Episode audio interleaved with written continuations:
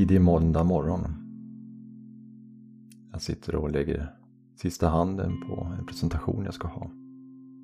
Det handlar om eh, perfektion. Att inte göra misstag. Att eh, göra allting perfekt.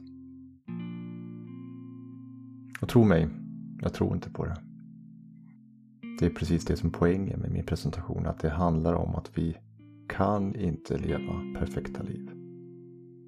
Det här är en fråga som också diskuterats lång tid. Kan kopplas till det som inom filosofin kallas för metafysik. Där finns det en syn på ett perfekt och ett evigt tillstånd som strävar efter att uppnås. Och det mänskliga livet är en process att närma sig det här tillståndet.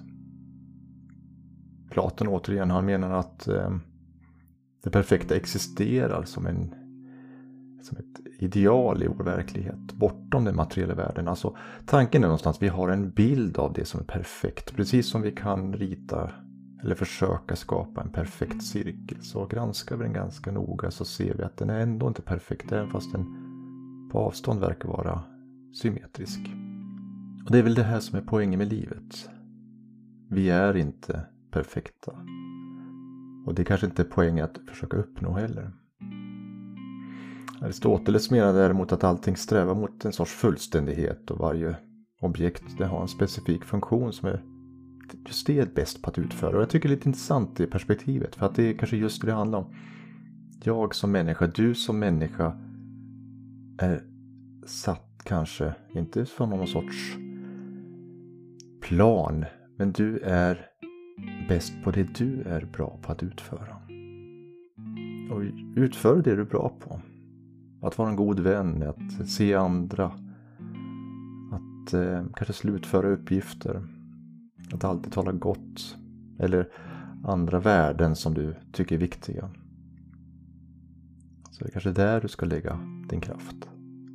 Det finns så många tankar kring det här, hur man kan koppla det till olika teorier. och Det här är svårt inom österländsk filosofi, till exempel taoismen och buddhismen, så anses till exempel det perfekta ofta var kopplat till upplysning eller självförverkligande.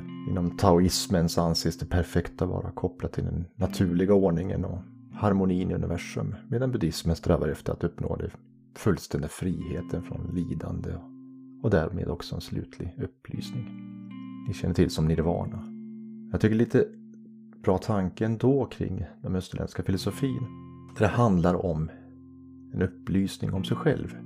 Inte en sanning att så här är det, gör du så här så blir det perfekt. Och det är det här som är problemet, att folk tror att vi kan komma till ett perfekt tillstånd eller ett perfekt sammanhang. En bok jag ofta läser är eh, författaren Philip Bäckmo som har kommit ganska nyligen, heter Konsten att ha en god relation till sig själv. Han skriver i en passus på det här viset. Om vi har styrka nog att se och acceptera våra brister så leder till smärtsamma men nyttiga insikter. Vi blir mer accepterande och tålmodiga. Vi ser med mer förstående och förlåtande ögon på oss själva. Att vi aldrig kan bli perfekta kan vara en lättnad. Du eller jag gör inget fel. Det är inte meningen att det ska vara på något annat sätt. Du missar inget. Du är inte fejk och det finns inget att fatta som alla andra har fattat. Det är helt enkelt så här livet är. Och det finns ingen annan som har nyckeln till framgång, lycka eller ett liv utan personliga tillkortakommande. Vi är alla människor som kämpar med liknande utmaningar. Jag, liksom du, är i den här världen för att göra det bästa av den och oss själva. Det kanske är så enkelt vi är i den här världen för att göra det bästa av den och oss själva. Det kommer aldrig bli perfekt. Förhoppningsvis kommer det bli gott nog. Och där ska du vila.